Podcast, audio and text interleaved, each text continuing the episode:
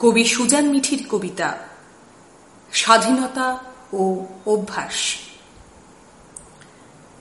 জানলায় সকাল নামতেই বাবা এসে ডাকে, খোকা, উঠে পড়, অনেক যে কাজ বাকি। আমি চোখ রোগড়ে বাবাকে জিজ্ঞেস করি, কেন বাবা, আজ কি, দুর্গা পুজো নাকি? বাবা আমার চিবুক ছুঁয়ে বলে দুর্বোকা আজ যে পনেরোই আগস্ট, আজ সেই দিন যেদিন দুশো বছরের গ্লানি মুছে গিয়ে এক নতুন সূর্য উঠেছিল, ভারতবর্ষ হয়েছিল স্বাধীন। ও, আজ স্বাধীনতা দিবস। পতাকা তুলব, বলব বন্দে মাতারাম দেব মালা গান গাইবে মা, তুমি, ছোট কাকু, আমিও। তারপর চকোলেট খাওয়ার পালা। না রে বাবা, স্বাধীনতা আসলে এগুলো নয়। জানিস ব্রিটিশরা ছিল ভীষণ অত্যাচারী। কত মানুষ দিয়েছেন প্রাণ ওদের হাতে। কতবার এ সোনার দেশে হয়েছে মহামারী। ওরা সব নিয়ে গেছে নিজেদের দেশে। আমাদের আটকে রেখেছে। ওরা নিষ্ঠুর। ভারতবাসীকে বলেছে কুকুর। কত রক্ত গুলি। দেশ মাতার বুকে তুলেছে কান্নার সুর। তাই তো একদিন জেগে উঠেছিল মানুষ। একটু একটু করে জ্বলেছিল আগুন। কত প্রাণ হলো বলিদান, কত প্রাণ নিশ্চুপ।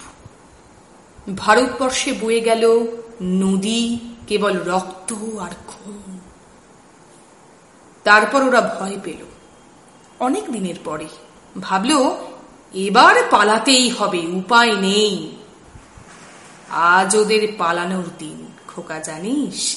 অবশেষে স্বাধীনতার সুখ পাওয়ার দিন সেই। শুনতে শুনতে আমার চোখে আসে জল। বাবার গলা জড়িয়ে বলি, বন্দি যদি পরাধীনতা, আমাদের যে টিয়া খাঁচায় থাকে, ছোলা খায়, ওরও তবে কষ্ট অনেক। বাবা, ওরও আছে ব্যথা। হঠাৎ বাবা চুপ করে যায় দেখি। মা এগিয়ে আসে। খাঁচার দরজা খুলে দিয়ে বলে, যা পাখি উড়ে। হাততালি দিই আমি। কি মজা কি মজা। কিন্তু পাখিটা কিছু পরে ফিরে আসে ঠিক ঘুরে। আমি অবাক হয়ে বলি, বাবা, এটা কেন হলো? ও যে স্বাধীনতা পেল, গেল না কেন তাও? পাখি তখন বাইরের মাইক শুনে শুনে বলছে, এক টানা, তোমরা রক্ত দাও রক্ত দাও। আমি মন খারাপ নিয়ে মালা গাঁথতে বসি। বাবার মুখেও ব্যথা, ফেলল দীর্ঘশ্বাস। তারপর মাকে বলল, জানো, খোকার মা, পরাধীনতা কখনো কখনো হয়ে যায় অভ্যাস।